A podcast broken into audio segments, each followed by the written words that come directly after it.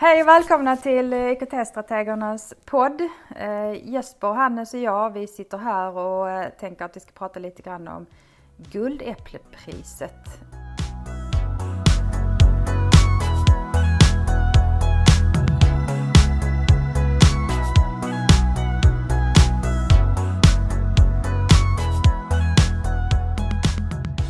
Det kom en nyhet här att i år då 2021 så firar Guldäpplet 20 år. Och eh, jag tror att det är DI, DIU, stiftelsen DIU som satte igång detta från början och eh, har, de har fått lite olika partners. Lärarförbundet, Lärarnas riksförbund, Sveriges kommuner och regioner, Specialpedagogiska skolmyndigheten, Glerups, Inläsningstjänst och Netsmart och nytt då för 2021 är att Skolverket också går med och eh, att man då anser att det ger ytterligare kraft till utmärkelsen. Eh, jag tänker att det visar ju verkligen att Skolverket tycker att det är bra att uppmärksamma de här lärarna som är föregångare och kommer med goda idéer och sprider sina idéer. Eh, och det är då 20 år 2021 så förra året som var då det 19 priset Eh, då var första priset till Emily Hahn och henne kommer vi att prata om i nästa avsnitt. Eh, men det gick också ett pris, eh, vad var det de kallade det? Guldäppeljuryns särskilda pris 2020. Grattis vill jag framföra till alla lärare runt om i detta avlånga land. Ja, det var väl trevligt att vi fick det allihopa. Eh, sen var det andra pris och eh, det var de vi hade tänkt prata lite grann mer om idag. Pernilla Abrahamsson och Mia Lägnert fick ett av andra priserna och Linda Bjellerstedt och Sara Bergström fick det andra andra priset. Om vi börjar med Pernilla Abrahamsson och Mia Lägnert så är det ju två lärare som jobbar med olika inriktningar. Den ena har SO och den andra har NO teknik. Och det tycker jag är en del i det hela, att de visar på att eh, det är stora vinster att samarbeta över ämnesgränserna för elevernas bästa. Och att verkligheten är inte uppdelad i ämnen och därför är detta ett jättebra sätt att jobba. Det stora de sprider är eh, att arbeta med 3D, eh, både att rita 3D och att skriva ut i 3D. Och att koppla samman detta med att prata om samhället. Mm, och det, det tycker jag är rätt så läckert för att man man hör om olika sorters projekt och hur på något sätt att hur tekniken kan användas till någonting väldigt oväntat. Jag, jag, tycker det är så läckert för att när vi träffar pedagoger ibland, det här, är, det här är inte jättevanligt förekommande, men ibland kan det vara svårt att hitta just vi berättar om ett verktyg, vi visar någonting och sen så, så säger någon eh, av de som är på workshopen, fast jag har ju då det här ämnet och hur kan jag då använda det här? Jag ser inte hur det är relevant. Och det är så läckert att se hur guld, Guldäpplepristagarna nu och, och tidigare liksom har tagit något koncept, något sätt att arbeta och liksom förvandlat det in i deras ämne eller till den årskursen de undervisar i. Och det är riktigt läckert. Och det, jag tror att det är ju en av de delarna som är, som är viktiga att tänka på när man är på en workshop eller man läser om någonting som någon gör. Att, att ständigt fundera på hur kan jag använda det här i mitt ämne? Eh, och man kan gärna ta hjälp av, av kollegor eller, eller fråga oss. Men fundera kring liksom, när man tar, del av fortbildning. Hur kan det här liksom översättas till det jag jobbar med? Mm, att våga tänka utanför boxen. Ehm, um, jag har ett praktexempel när uh, jag lyssnade på när en föreläsare nämnde eh, det här verktyget Today's Meet och så sa den här föreläsaren att ja, kan man använda till exempel för tysta klassråd för då eh, får de som inte vågar prata de möjlighet att skriva istället. Så. Då hör jag eh, en lärare till höger som säger att jag har inte klassråd så det var inte intressant. Och så hör jag en lärare till vänster som säger att Åh, det här skulle jag kunna använda på sexualkunskapen för då kan eleverna ställa frågor utan att eh, alla, alla, alla kommer heta X så bra.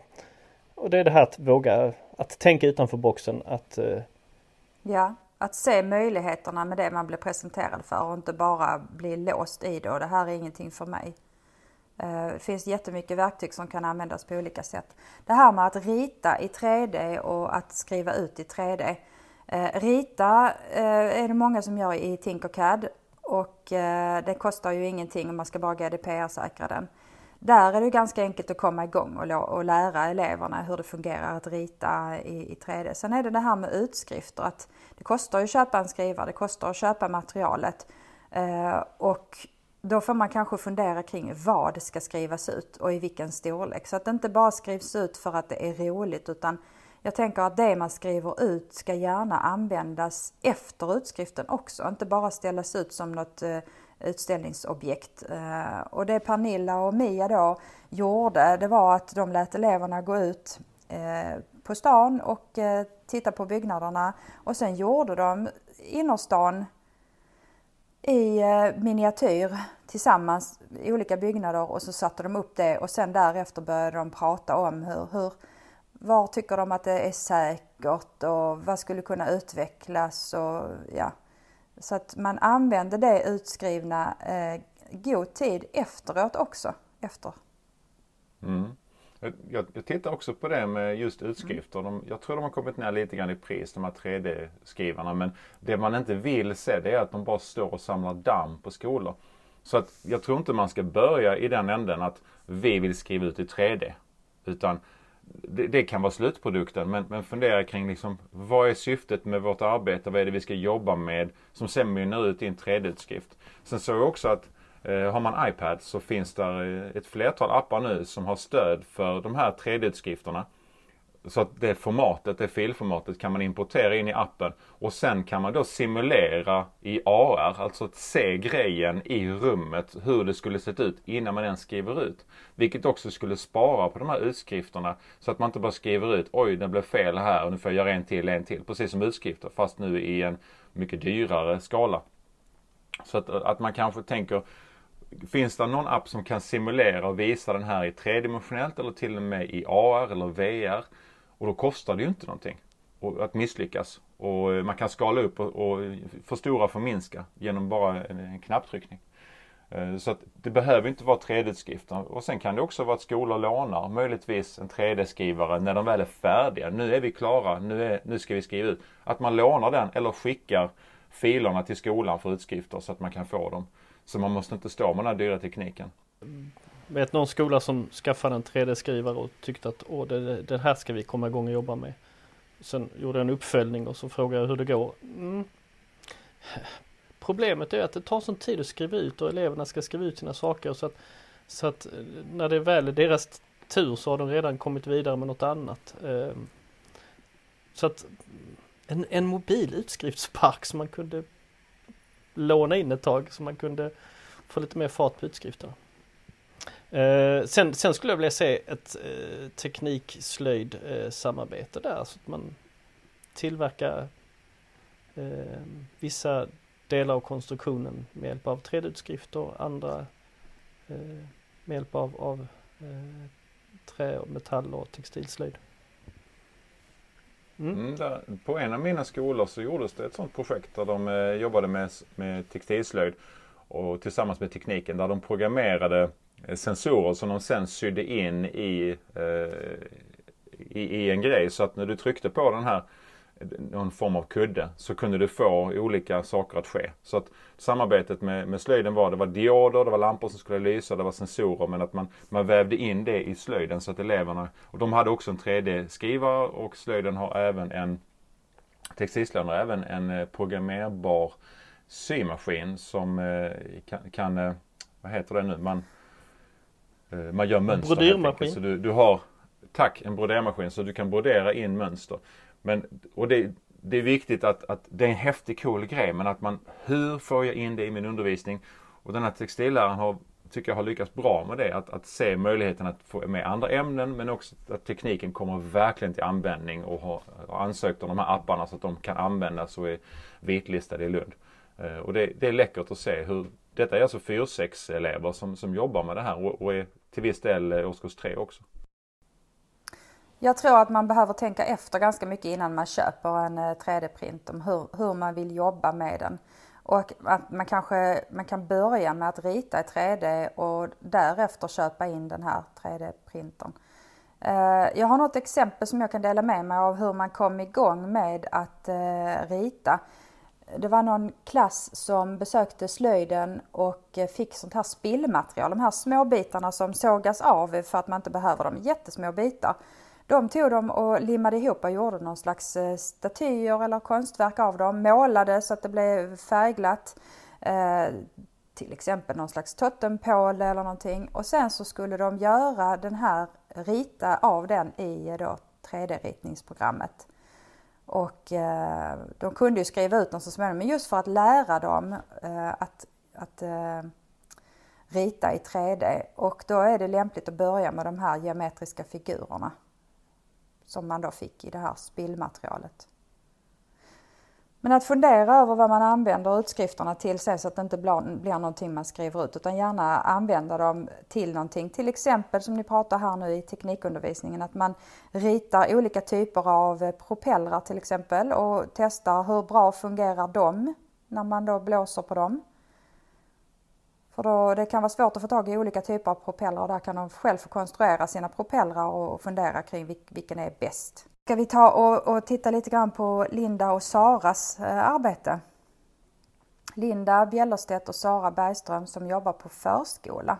De har en Youtube-kanal där man kan eh, hitta massa filmer som handlar till största del om det digitala. Det finns även andra filmer. De, man kan söka på Fantasifröknarna Sara och Linda där eh, antar de olika rollfigurer så de heter eh, Tipsa och Trixa och de heter, eh, ja, de har olika beroende på vilka de spelar för tillfället. Men de här Tipsa och Trixa är de som handlar om det digitala där de vänder på det här förhållandet att här är det vuxna som inte kan och så får de söka hjälp på olika sätt och, och när barnen tittar på dem så, så blir det barnen som på något sätt blir experter. De kan till och med gå hem och berätta för, för sina föräldrar om hur det fungerar kring upphovsrätt och lite sånt här. Eh, rätt roligt koncept. Det de gör är egentligen bara att de sätter upp en liten föreställning och sen spelar de in sig själva. Jag har många gånger hört att eh, barnen är alldeles för små att man ska ta upp sådana här saker som upphovsrätt och netikett och, och sånt. Men barnen börjar väldigt tidigt med digitala verktyg och de har verkligen visat här att man kan börja jättetidigt. På förskolan går de in på ganska avancerade saker på ett lekfullt sätt så att barnen förstår. Jag, jag tycker det är eh, jätteintressant just att man, man kan tänka att det är för tidigt eh, med någonting. Och sen så upptäcker man att nej, det, det var någon som faktiskt vågade prova. Och just den biten att våga prova är så viktig i, i läraryrket. Att, och sen behöver man inte göra ett jättestort projekt direkt utan man vågar prova någonting med eleverna och se liksom, skulle det här kunna funka? Att de blir testpersonerna för vi vill ju lära eleverna att det är genom misslyckanden som vi lär oss någonting.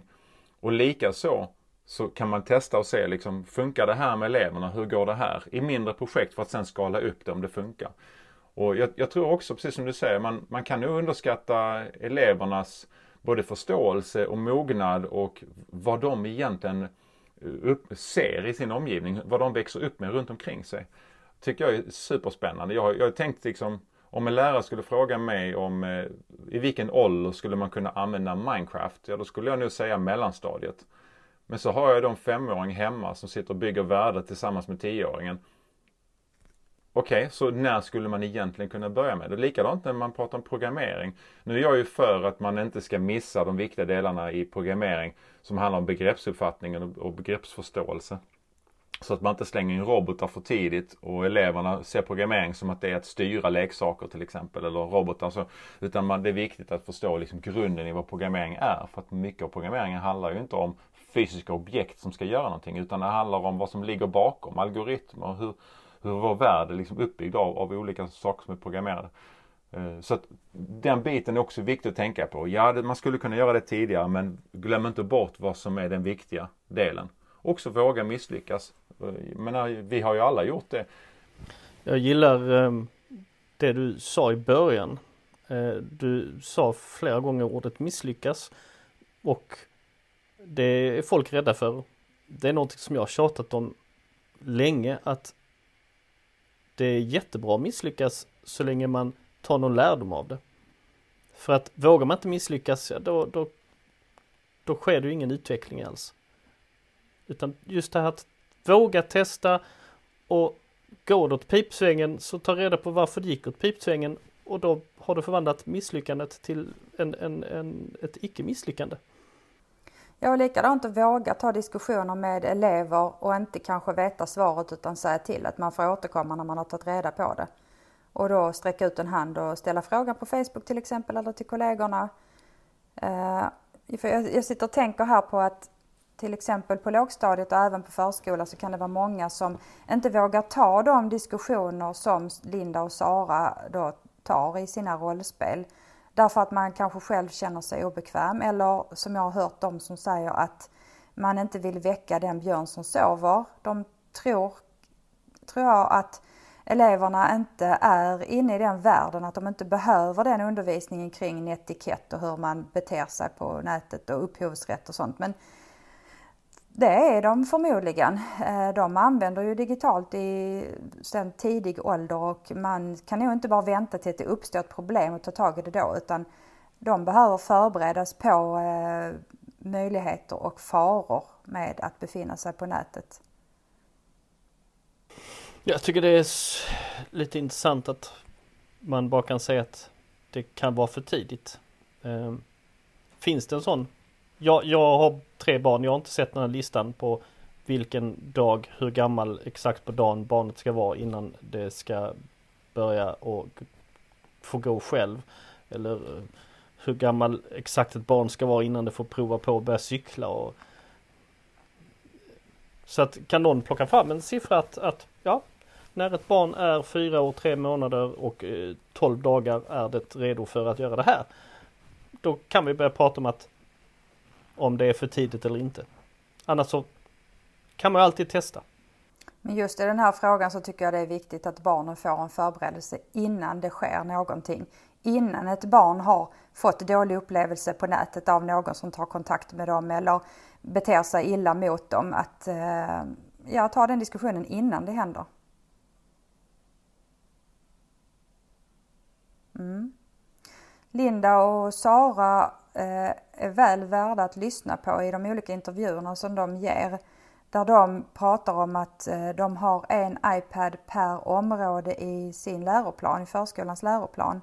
Och att de har dekorerat den här eh, iPaden så att barnen ska förstå att när de har hamnat i någon fråga som handlar om upphovsrätt, ja men då väljer de den här upphovsrättspaddan och går och googlar på den eller får svaren ifrån den.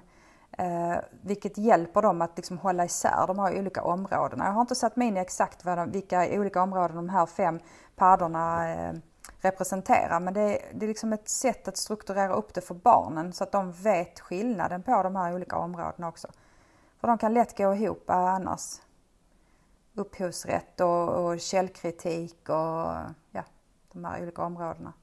Skapande är det såklart en iPad som handlar om vad man ska tänka kring skapande. Spont spontant så liksom att, att istället för att ha olika mappar på uh, iPaden med skapande appar och um, ljudappar och um, verktygsappar och så. Så har man en padda för varje. Mm. Spännande, jag ska titta lite närmare på det också. Faktiskt. Just att de har dekorerat dem utanpå skalet mm. också, vilket ge, just för förskolan så behöver man göra det inbjudande för barnen en tråkig iPad som bara har ett svart skal liksom. Ja, för många år sedan när iPaden var ny då inbjöd den ju till att man skulle använda den ändå för det var, innehållet var intressant. Men idag när paddor är så vanliga så, så tror jag att man behöver bjuda in barnen på ett annat sätt. Så det, jag tyckte det var trevligt att de hade dekorerat dem också. Så Fantasifröknarna Sara och Linda på Youtube kan man söka på. Mm. Är det någonting mer som ni vill säga kring det här med guldäpplevinnare överlag? Priset? Ja, priset är 25 000 kronor eh, och ett äpple. Eh, men, och nomineringen, jag vet inte om vi har pratat om det tidigare, men att eh, vem som helst kan nominera personer till Guldäpplet. Vanligast är nog kollegiet eller eleverna som nominerar. Så att om ni känner någon där ute som ni känner att de gör någonting väldigt speciellt, någonting som Eh, som involverar IT i undervisningen så är det fritt fram att nominera. Det, sen är det ju juryn sen som utser finalisterna och sen väljer ut vem som, som får det här priset sedan i slutändan. Så det är vem som helst eh, som, som, kan, som jobbar inom skola och undervisar som kan få det här guldäpplet. Juryn består av de två senaste årens guldäpplepristagare och företrädare för samtliga partners, de som vi tog i början där, Eh, och professor Åke Grönlund som är på Örebro universitet. Okej hörni, Guldäpplet, fantastiskt pris som många säkert vill vinna. Men framförallt är det inspirerande för oss att ta del av vinnarnas arbete. Så följ gärna Guldäpplet och priset som delas ut.